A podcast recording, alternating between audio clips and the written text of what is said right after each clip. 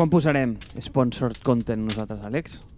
Mira, jo tinc una creuada personal contra això, sempre ho dic, i, i mira que de vegades penso, dic, hòstia, m'he de menjar les meves pròpies paraules, perquè per, per tancar-ho així, eh? o sigui, els esdeveniments que organitzem nosaltres, els de Startup Grind, vaig decidir, just abans de la pandèmia, patar-me tots els sponsors, perquè generalment l'overhead de gestió que et porten no et compensa els, els quatre xavos que et pot aportar un sponsor. Val?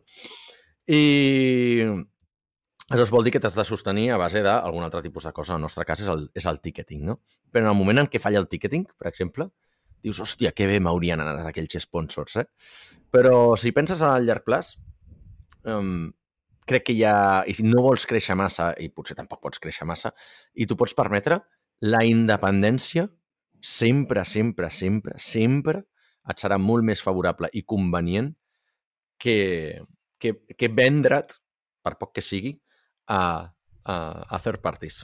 Per tant, jo estaria, jo estaria en contra del tema dels sponsors. Prefereixo financiar-ho pulmó i a veure on arribem, perquè és que, si no, després és que et comencen a, a, a posar deures, a pressionar per aquí, a voler-te influenciar el contingut, a canviar-te les condicions, et fan perdre el temps, et maregen... És un mal de cap, tio. Paraula d'Àlex, pues res, quan Casa Matller ens vulgui sponsoritzar, li direm que no, que no volem pomes. Exacte. En fi, que en l'episodi interior, què dèiem, Àlex? Què dèiem? Que no posaríem mai contingut patrocinat. I què passa avui? Que farem recomanacions. O sigui, ens paguen, no, aquests? No ens paguen. De, de Ah. fet, mira, jo, en la meva política per si mai he de tornar a tenir sponsors als llocs, val? serà que tu no puguis pagar per patrocinar l'esdeveniment i ja està. És a dir, gent que no conec digui, sí, mira, et volem sponsoritzar, et donem 5.000 euros o 10.000 o el que sigui l'any per patrocinar això. I que jo no tingui una relació preexistent amb aquesta gent.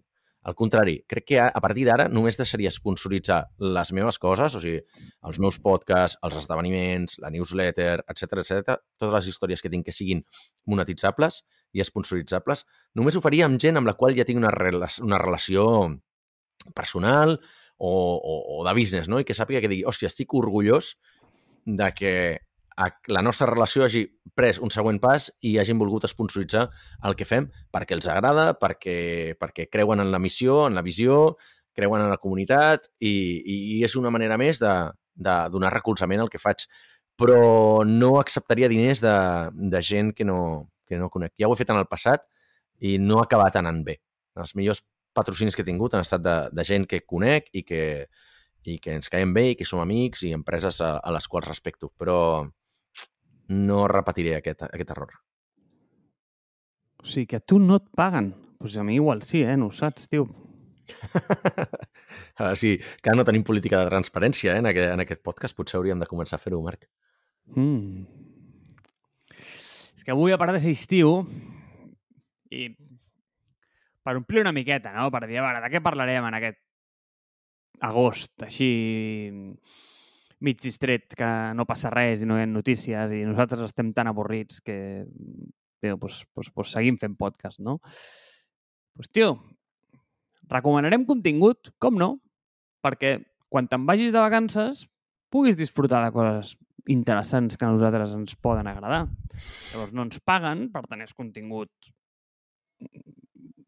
anava a dir eh, honest, vale? però almenys són recomanacions que nosaltres hem fet servir i que validem. Llavors, eh, almenys és allò que si no t'agrada saps a qui anar a buscar després. És a dir, pots dir, tio, això que m'has recomanat és una autèntica merda. Tio, en el meu cas és bastant bo, eh? I tinc moltes ganes d'escoltar els teus, perquè no ens ho hem dit.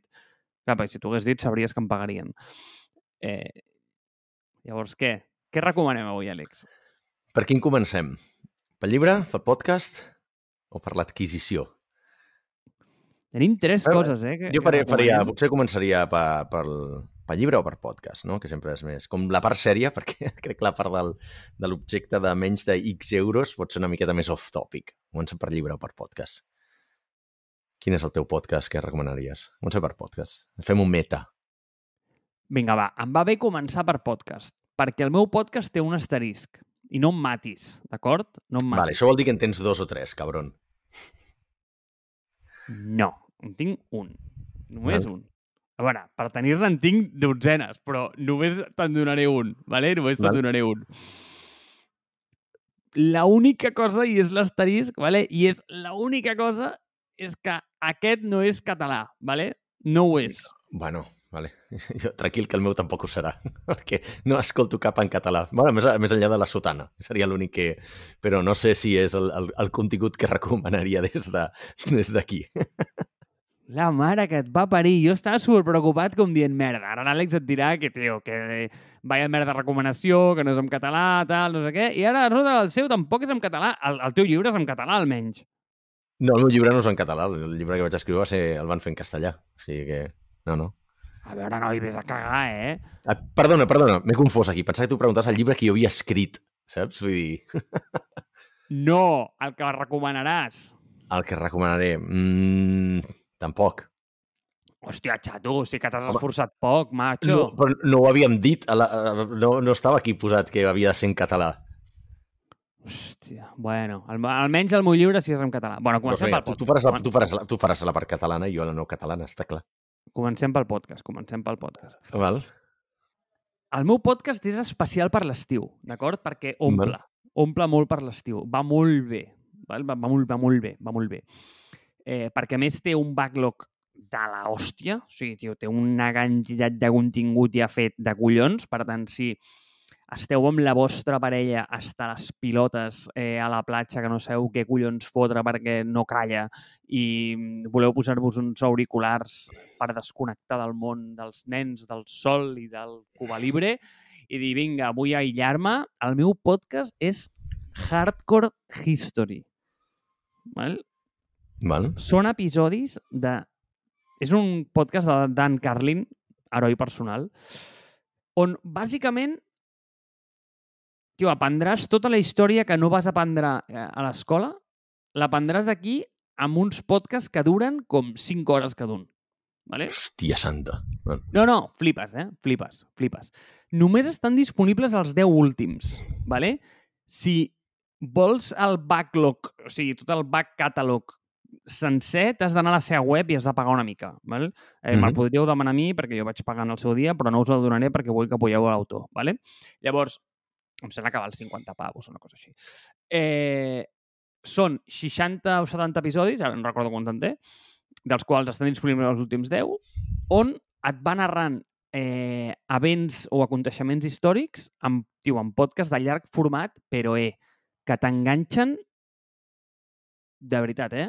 Com un electroimant, eh? És acollonant, Àlex, acollonant. El tio té una veu, una narrativa, eh, una gràcia explicant les coses, perquè, tio, et, et narra com els events històrics que en si poden ser molt avorrits, però ho fa tan entretingut, però no t'explica una història. És a dir, simplement, tio, et narra els events històrics i és interessantíssim perquè el tio, hòstia, te'ls documenta, però a la vegada ho fa super, super, super, super agradable. Eh, llavors té com sèries i va explicant com en, eh, pues això, pues, mm, events històrics. Un per la Segona Guerra Mundial, un per eh, l'Imperi o Babilón, eh, un altre per els romans, eh, un altre per la... mm, no ho sé, eh, el muro de Berlín. Eh, Digue-li el que vulguis, no? Però el tio et narra aquest tipus de coses en un format super entretingut, però que a la vegada, eh, no saps lo molta història que aprendràs. Però en català? Hardcore History? Estàs rient de mi o què? Sí, perquè no em sona en català i el nom de l'autor que has dit tampoc em sona en català, saps? Vull dir... El Dan anglès, Carlin no, no va néixer a l'Empordà, no.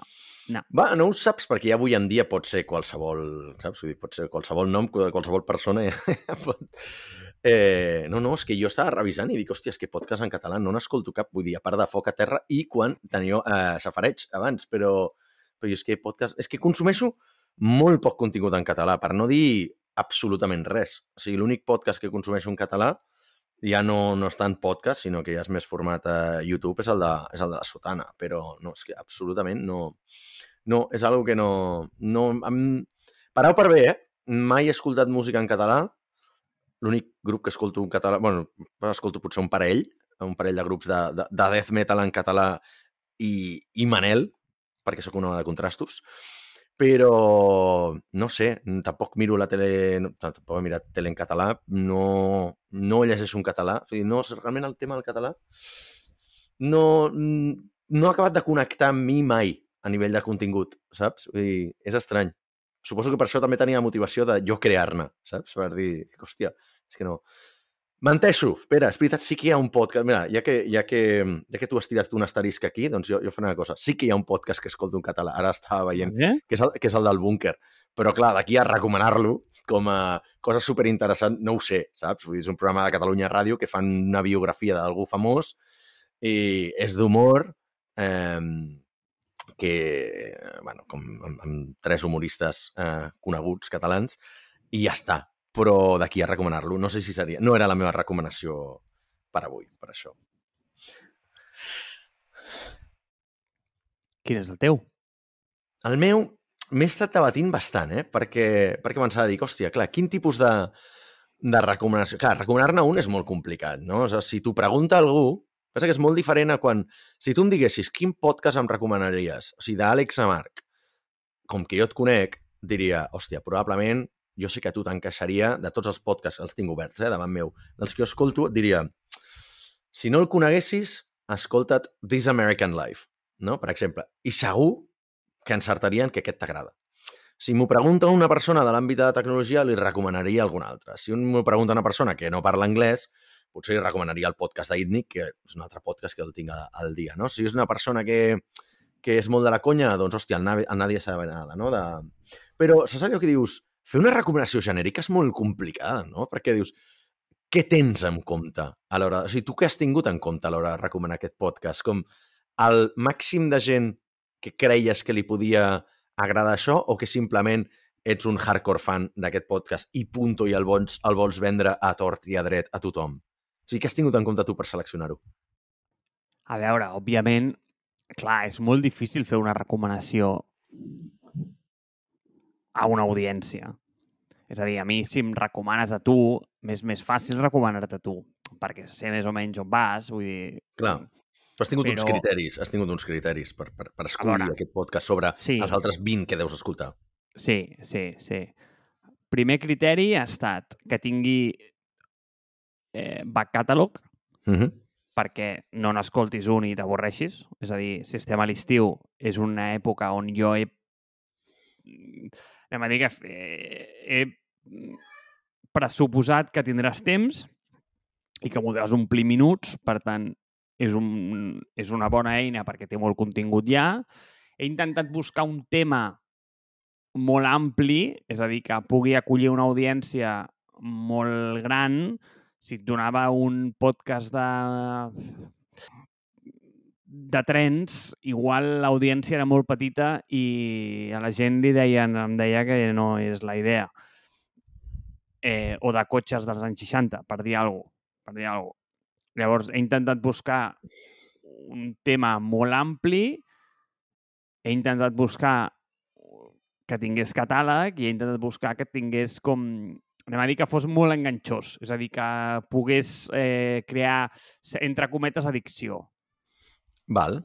Tot i així has anat a buscar un podcast de història d'episodis de 200 hores cada un, saps? Vull dir que la- l'audiència és molt nínxol, no? La gent que, que escolta podcast generalment es diu que podcast de més de mitja hora mm, costa d'escoltar. Vull dir, has anat a buscar alguna cosa... No anaves a lo nínxol i has acabat amb un nínxol bestial. Vale, una mica, vale, Vale, però vale. és que no escolto res que no sigui tan així, saps? Clar. Vull dir, veure, És que tu i jo som especials. Vull dir, el podcast que, ah. que recomanaré jo ja està pensant, és més nínxol que el del Marc. Dic, doncs no ho sé, no ho sé, la veritat. Eh, es diu No Fucking Regrets, val? És, de, és el podcast que fa el cantant d'un grup de, de metal que es diu Machine Head, que diràs, hòstia, no hi ha molta gent que escolti metal el 2022. Tens raó. Però és un tio que fa entrevistes de dos o tres hores a tot de gent famosa i potser és més gent del món del metal, està clar, eh, del món de la música, però també han passat doncs, eh, actors, eh, alguns celebrity, periodistes, etc etc. I a mi el que m'agrada és que crec que té en comú el que dius tu del teu podcast, que l'entrevistador té una veu que et captiva. Evidentment, és un tio que canta metal, o sigui, com a cantant té una veu molt bona i com a ràdio també té una veu molt bona, no? té veu de podcast.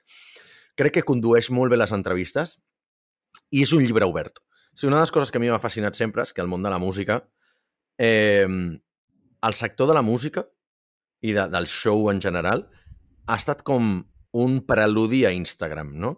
Tu sempre veies les coses boniques allò, hòstia, com mola, tio, toquen Metallica, Red Hot Chili Peppers, s'omplen estadis i mira, saps, i van en limusina i volen amb avió privat i estan forradíssims i fan figuretes d'ells i pel·lis sobre ells i documentals. Després són la penya que està més cardada del cap del planeta, perquè tenen expressions bestials, no estan mai a casa, els hi costa molt construir famílies, tenen problemes d'addiccions, burnout, eh, per arribar a on han hagut d'arribar han hagut de menjar unes condicions lamentables a nivell contractual imposades pels magnats de, del, de, les, de les discogràfiques, de les estacions de ràdio, els mànagers dels tours, etc etc. Són penya que toca mm, de 15 dies en toca 13 seguits mentre han de dormir mentre viatgen entre ciutat i ciutat, després tenen eh, premsa durant el dia, no poden dormir i evidentment que s'acaben drogant, perquè és que si no amb aquests horaris com collons ho fas, no?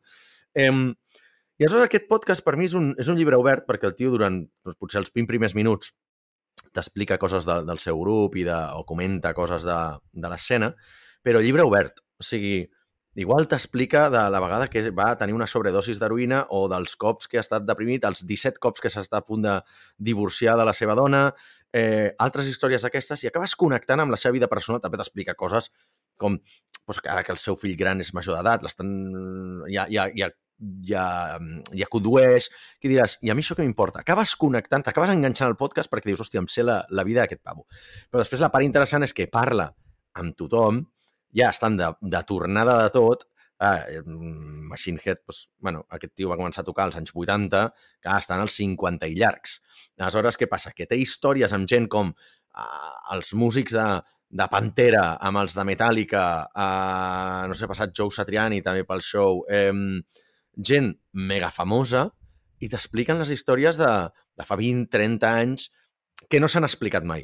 Val? Aquelles que ningú s'atrevia i amb, amb pèls i senyals, eh? O sigui, de la droga que es fotien, de qui es va intentar suïcidar, de, de com la gran majoria de grups no viuen de la música i tothom té segones feines, val? perquè és que a menys que estiguis a un nivell de vendre ja milions de discos, no vius de la música, no vius de la música. Et diu, et parla del business, també m'interessa molt aquesta part, quan diuen tu fas un tour i generalment no, no guanyes ni un duro, els tours només cobreixen despeses, tu on guanyes diners com a grup és amb el marxandatge, i no sempre perquè l'has de tenir tu com a independent, perquè generalment les discogràfiques te'l roben, i dius, hòstia puta, t'explica tantes coses, et destrossa tants mites que m'encanta. O sigui, estic enganxadíssim a aquest podcast.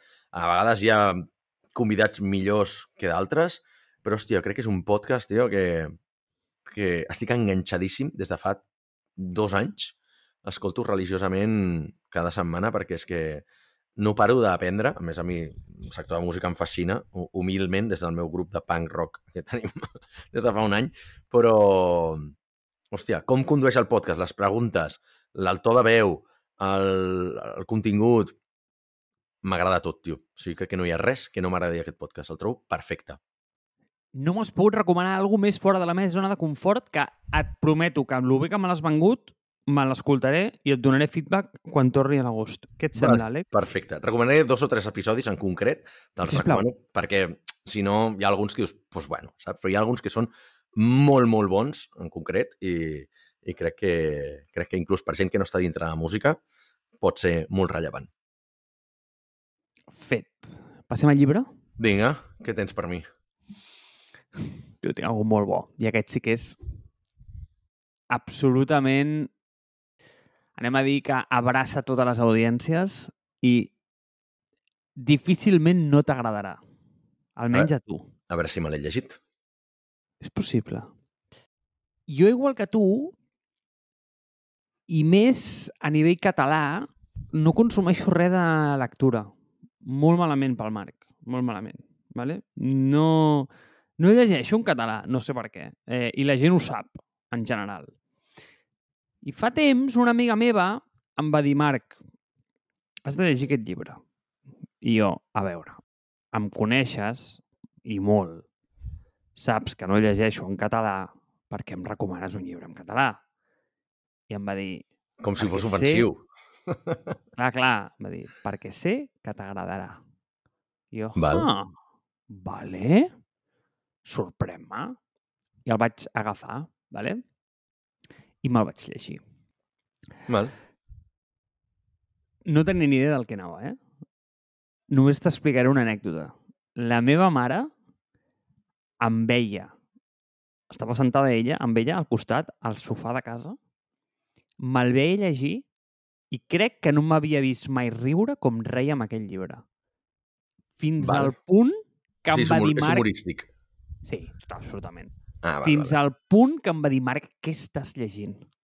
I jo, mira, mami, eh, és, li vaig dir, és que no ho sé, és que, és que no ho sé què estic llegint. O sigui, però me'l podria llegir 37 vegades. O sigui, és possiblement la cosa més graciosa que, i, i entretinguda humorísticament que, que he llegit mai. També et dic, l'he compartit amb diversa gent i però el feedback és absolutament bipolar. És a dir, hi ha gent que m'ha dit, tio, això t'ha fet gràcia, quina autèntica merda, i hi ha gent que em diu, Marc, és la cosa més divertida que he llegit a la meva vida. Ja sé per quin vas, perquè em sembla que en vam parlar d'aquest llibre. Saps on Sí. podia trobar-lo? Perquè jo he d'anar ara al centre i me'l compraré. Perquè és que tinc ganes de llegir-lo, no Hòstia. trobat, tio, encara. Porto anys Quina- buscant aquest llibre. Quina pena, quina pena, sí, perquè mira, de fet, l'altre dia vaig anar-hi amb un amic meu i li vaig regalar eh, a la llibreria. On el vas comprar? A la llibreria Finestres. Finestres. Doncs pues mira, igual m'acosto ara i el compro. I si el de- t'acostes ara... El- Sí. M'atrevesso a dir-lo o, o què? Vinga, va, digue'l, va. Eh, És el de Jo només il·lumino la catalana terra? Sí, senyor. Sí, Toma senyor. ja. El vam, par- vam comentar-lo l'any passat quan estava a Grècia, me'n recordo que me'm- m- me'l volies recomanar i vaig dir que porto un any o dos buscant aquest llibre per internet, però no està. Insisteixo, insisteixo. Eh, em, sembla, em sembla- em sembla que tenia un altre, també, eh? Hi havia, hi havia Sí, dos. Els sí, sí. matarem a tots o alguna així, no? Em Sí, que té sí, una... sí, sí. Vale. Quin és el Doncs- teu? El meu és un tostón. És un tostón absolut, um, però crec que és un llibre que m'ha m'ha fascinat. M'ha fascinat molt. Eh, I serà de negocis. Eh? Mira que no volia recomanar alguna de negocis, però dic, ja que el podcast no ho era, crec que està bé que el llibre sí que ho sigui, perquè t'explica molt la, la cara oculta de les grans corporacions. Però no el típic de Amazon eh, explota els treballadors, Facebook té les nostres dades. No, no, no. no. És molt millor que això. És, eh, el llibre es diu Barbarians at the Gate, um, The Fall of RJR Nabisco. Uh, RJR Nabisco va ser una, una gran corporació que em sembla que va començar com a tabacalera i va començar, eh, va esdevenir com un gran conglomerat d'empreses que sí, cosmètics, alimentació, etc etc. O sigui, la, parlo d'empresa que sembla que va començar als anys 50. Val? Eh, I t'explica la història des de que fitxen a un paio... Hòstia, espera, que ara he- ara he de buscar el nom del tio, eh? perquè m'està ara... Angel Navisco. Eh, el, el tio aquest, o sigui, com el, el Ross Johnson. Ross Johnson va convertir-se en un putíssim magnat dels, eh, de les corporacions i dels negocis, però de totes les putades i guarrades que feia de... És, és al·lucinant. O sigui, considero que el llibre és bastant... És un... És un, és un totxo. Te'l venen... Crec que és un llibre que és obligat per la gent que li interessi tot el tema del M&A, Merger and Acquisitions, no? compres i fusions d'empreses, i tu diràs, hòstia, això és molt poca gent. Sí, però si et llegeixes el llibre com la novel·la que és, perquè és que si tu no et diuen que aquest llibre són fets reals, tu el llegeixes com una novel·la, perquè al final parla d'un tio que, bueno, que ve d'una família de grangers, que entra a treballar a una empresa, però que el tio és espaviladet i com- comença a ascendir, de cop i volta doncs, fa com un cop d'estat a la seva empresa i es posa com a CEO, i després aconsegueix vendre aquesta empresa a una altra, eh, fa fora el board de, de l'anterior empresa, ai, de l'empresa que el compra i passa ell un altre cop a ser CEO, després comença a comprar empreses, a vendre-les, surt a bolsa, no sé què. Unes bogeries i totes les excentricitats que venien, doncs, això, entre els anys 60 i 80, 90, d'avions privats, festes fins a altes hores de la matinada, eh, lo típic de eh, opes hostils sobre empreses i, i, i, i com els tios doncs ja el llibre no menciona res de droga, però segur que hi havia moltíssima droga allà. Et deien que només hi havia alcohol, però que, doncs això, no? que a última hora, a les 7, a les 7 del matí del dia límit, doncs canviaven el preu a l'oferta, el preu per acció d'oferta. Vaig trobar tan fascinant, o sigui, és com un viatge de 40 anys d'empresa comprant i venent i destruint penya. O sigui, és que vaig dir, dic, si tu llegeixes com una novel·la, és fascinant. I mira que tota la gent que conec del món de, de l'M&A i del Venture Capital que em diuen ah, no, aquest llibre és obligatori, però va, és un tostón, o només t'has de llegir les 200 primeres pàgines, que és no sé què, o aquest capítol, aquest capítol, aquest capítol. Jo me'l vaig devorar tot. No et sabria dir quantes pàgines té, m'atreviria a dir que en té 800, perquè se'n va... No se'n va fer llarg, però saps allò que dius? Hòstia puta, encara que... Veia el Kindle, el percentatge, no? I dir, portar molt temps llegint i dir, hòstia, encara vaig pel, pel 45%, no? I el vaig trobar fascinant. I vaig dir, aquest llibre el recomanaré a torri a dret, no se'l comprarà ningú, no se'l llegirà ningú, però si trobo una sola persona a la que li, a la que li agradi el tema i se'l llegeixi, segur que passarà a estar al top 5 de la seva vida. Estic convençudíssim. Déu meu, tio, no... Poses expectatives molt altes per aquest llibre, eh? Molt altes, però sé que no es la llegirà ningú perquè és que és molt totxo i és molt dens i, a veure, si no estàs en aquest sector i no t'interessa aquesta part, no?, d'empreses que surten de bolsa, accions, inversions i fusions i altres merdes d'aquestes, i no és que a mi no és un tema que em fascini, però com a novel·la el vaig trobar fabulós. La Ara, és que si és, és, és real, és real, saps? Tot això va passar. Si em dones temps, igual sí, però Ostres... Eh... Tens material, eh, per aquest estiu? No et vull posar pressió. No, no, per aquest estiu un llibre de 800 pàgines oblidat. Sí, segur que no. I què era el, el tercer ítem? Perquè al final no sé si vam posar, ens vam posar d'acord amb el preu o no. 10. Com? 10 euros. 10 sí, millor euros. Compra, millor compra per sota de 10 euros. Jo la tinc claríssima, Marc. La millor dir. compra que has fet mai per menys de 10 euros. Eh? Hòstia, aquesta és una pregunta d'aquelles que et canvia la vida, eh? A veure, mai, mai, ja no me'n recordo, també et diré, eh? no me'n recordo de les coses que he comprat els últims...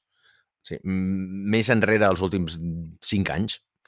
I et diré, les coses per sota de 10 euros que no saps ni què compres, pràcticament, saps? Te'n recordes les coses cares perquè, un, et duren més, generalment, sona molt classista, però les coses cares et duren més, i dos, segurament són coses que ja fas una inversió en això, no? O sigui, si compres una tele ho recordes, si compres una consola ho recordes, compres un cotxe ho recordes, però les coses de 10 euros, generalment, no ho sé. Eh, jo, quan m'ho has dit, vaig dir, dic, jo ho tinc clar, tio.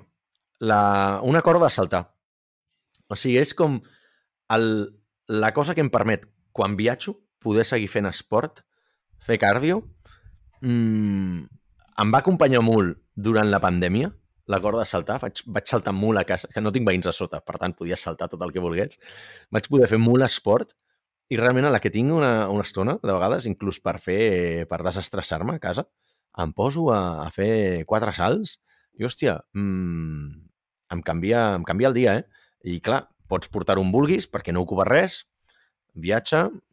Hòstia, no sé, jo crec que la meva recomanació per sota de 10 euros seria aquesta.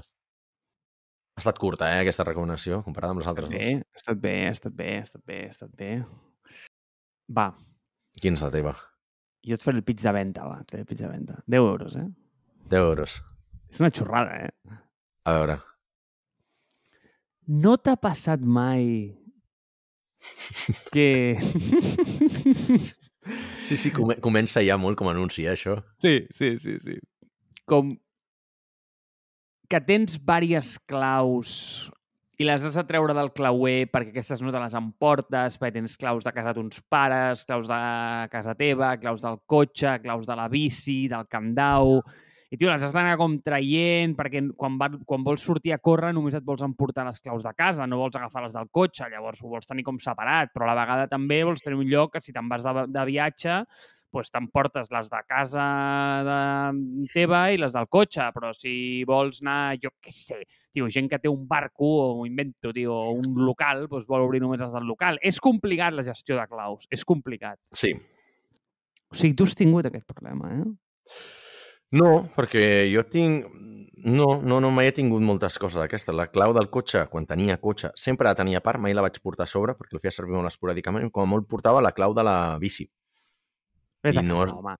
Pues escolta, hi ha molta No, gent no, a mi no em, problema, no em mi. molta No, no, aquest jo no tinc propietats, Marc, no tinc propietats, tio. No, Sí, és que, és, que, és que jo tampoc, però també és útil i ara veuràs per què.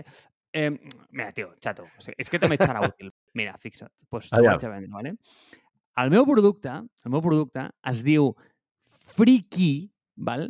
D'una marca que es diu Exotac, que és la cosa més nerdy que et pots plantejar en la teva vida i te l'ensenyo en temps real, vale? perquè A vegis la idea. Freaky Quan ho vegis, tio, et canviarà la vida. Vale? Mira, aquí ho tens. És això, vale? És una anella gran, Sí, val? i tres anelles petites. Pots comprar anelles, més anelles, si vols, petites. clar. Llavors, quina és la idea? La idea és que tu tens grupets de claus, veus que en tinc dos aquí? Això és casa Sí. dels meus pares i això és casa, Sí. casa meva. Llavors, mira, mira la diferència, eh? O sigui, jo ara, per exemple, aquí, me'n vaig a casa dels meus pares. sí. Però si ho vull treure, simplement faig així, tic, tic, tic, tic, tic, tic, tic, i fora. Ja no Ja. tinc casa amb uns pares. Llavors, aquest el poso d'una. I s'ha acabat el destrossar-te les ungles, Sí, sí, sí. eh, fer-te mal als dits i Oh, passar el ja, ja. pitjor moment de la teva vida intentant canviar claus, perquè canviar claus amb això és com posar o treure doncs, saps el, el pallasso que feia els jocs d'anelles i aquelles merdes? Sí. Doncs és el mateix. Tio, és, per mi és quasi com un truc de màgia. Com m'ho van dir, vaig dir, Déu meu, com ningú havia això inventat abans. Doncs aquesta és la meva recomanació per l'estiu, perquè sé que si t'has de moure als llocs, cases d'Airbnb, merdes d'aquestes, compres un Exokey i, eh, et canvia la vida, Àlex. Per menys Hòstia. de 10 euros. És que la de vegades que m'hauré de deixar les ungles jo amb les claus, eh? Sí, sí. És, és un pain real, ara. Vale, pues ojo, ojo, ojo, ojo, m'acabes d'ajudar, eh, tio? Eh, El meu pitch s'hagués pogut millorar. És, no t'ha passat mai que t'has trencat una ungla canviant una clau? Llavors som, oh, sí, sí, sí, sí, sí, sí, m'ha passat, m'ha passat, oh, sí, em, em passa cada dia, tal. pues t'has de comprar Exo aquí per menys de 5 euros perquè deixaràs de trencar-te les ungles amb les claus. Mira, l'únic amb el que em passa això és que tinc la típica cartera aquesta que va com cadena enganxada als pantalons. I clar, per, home, per fotre els pantalons a la rentadora, doncs he de treure cadena, i la cadena va amb una, va amb una, amb una argolla d'aquestes, no? I, hòstia, i quan l'he de treure és com, "Me cago en Déu, les putes ungles, però bueno, el que més és dura. O sigui que necessitaria l'exoquí aquest. O sigui que t'he fet la venda, oi? No ho sé si ho compraré, però, però ara ja ho tindré, ho tindré en ment. El proper que em passi segur que pensaré, dic, me cago en Déu, ho hauria d'haver comprat. Doncs eh, en el checkout posa el codi de recomanació Marc, vale? que Dóna Així- descompte? No, em donen comissió a mi.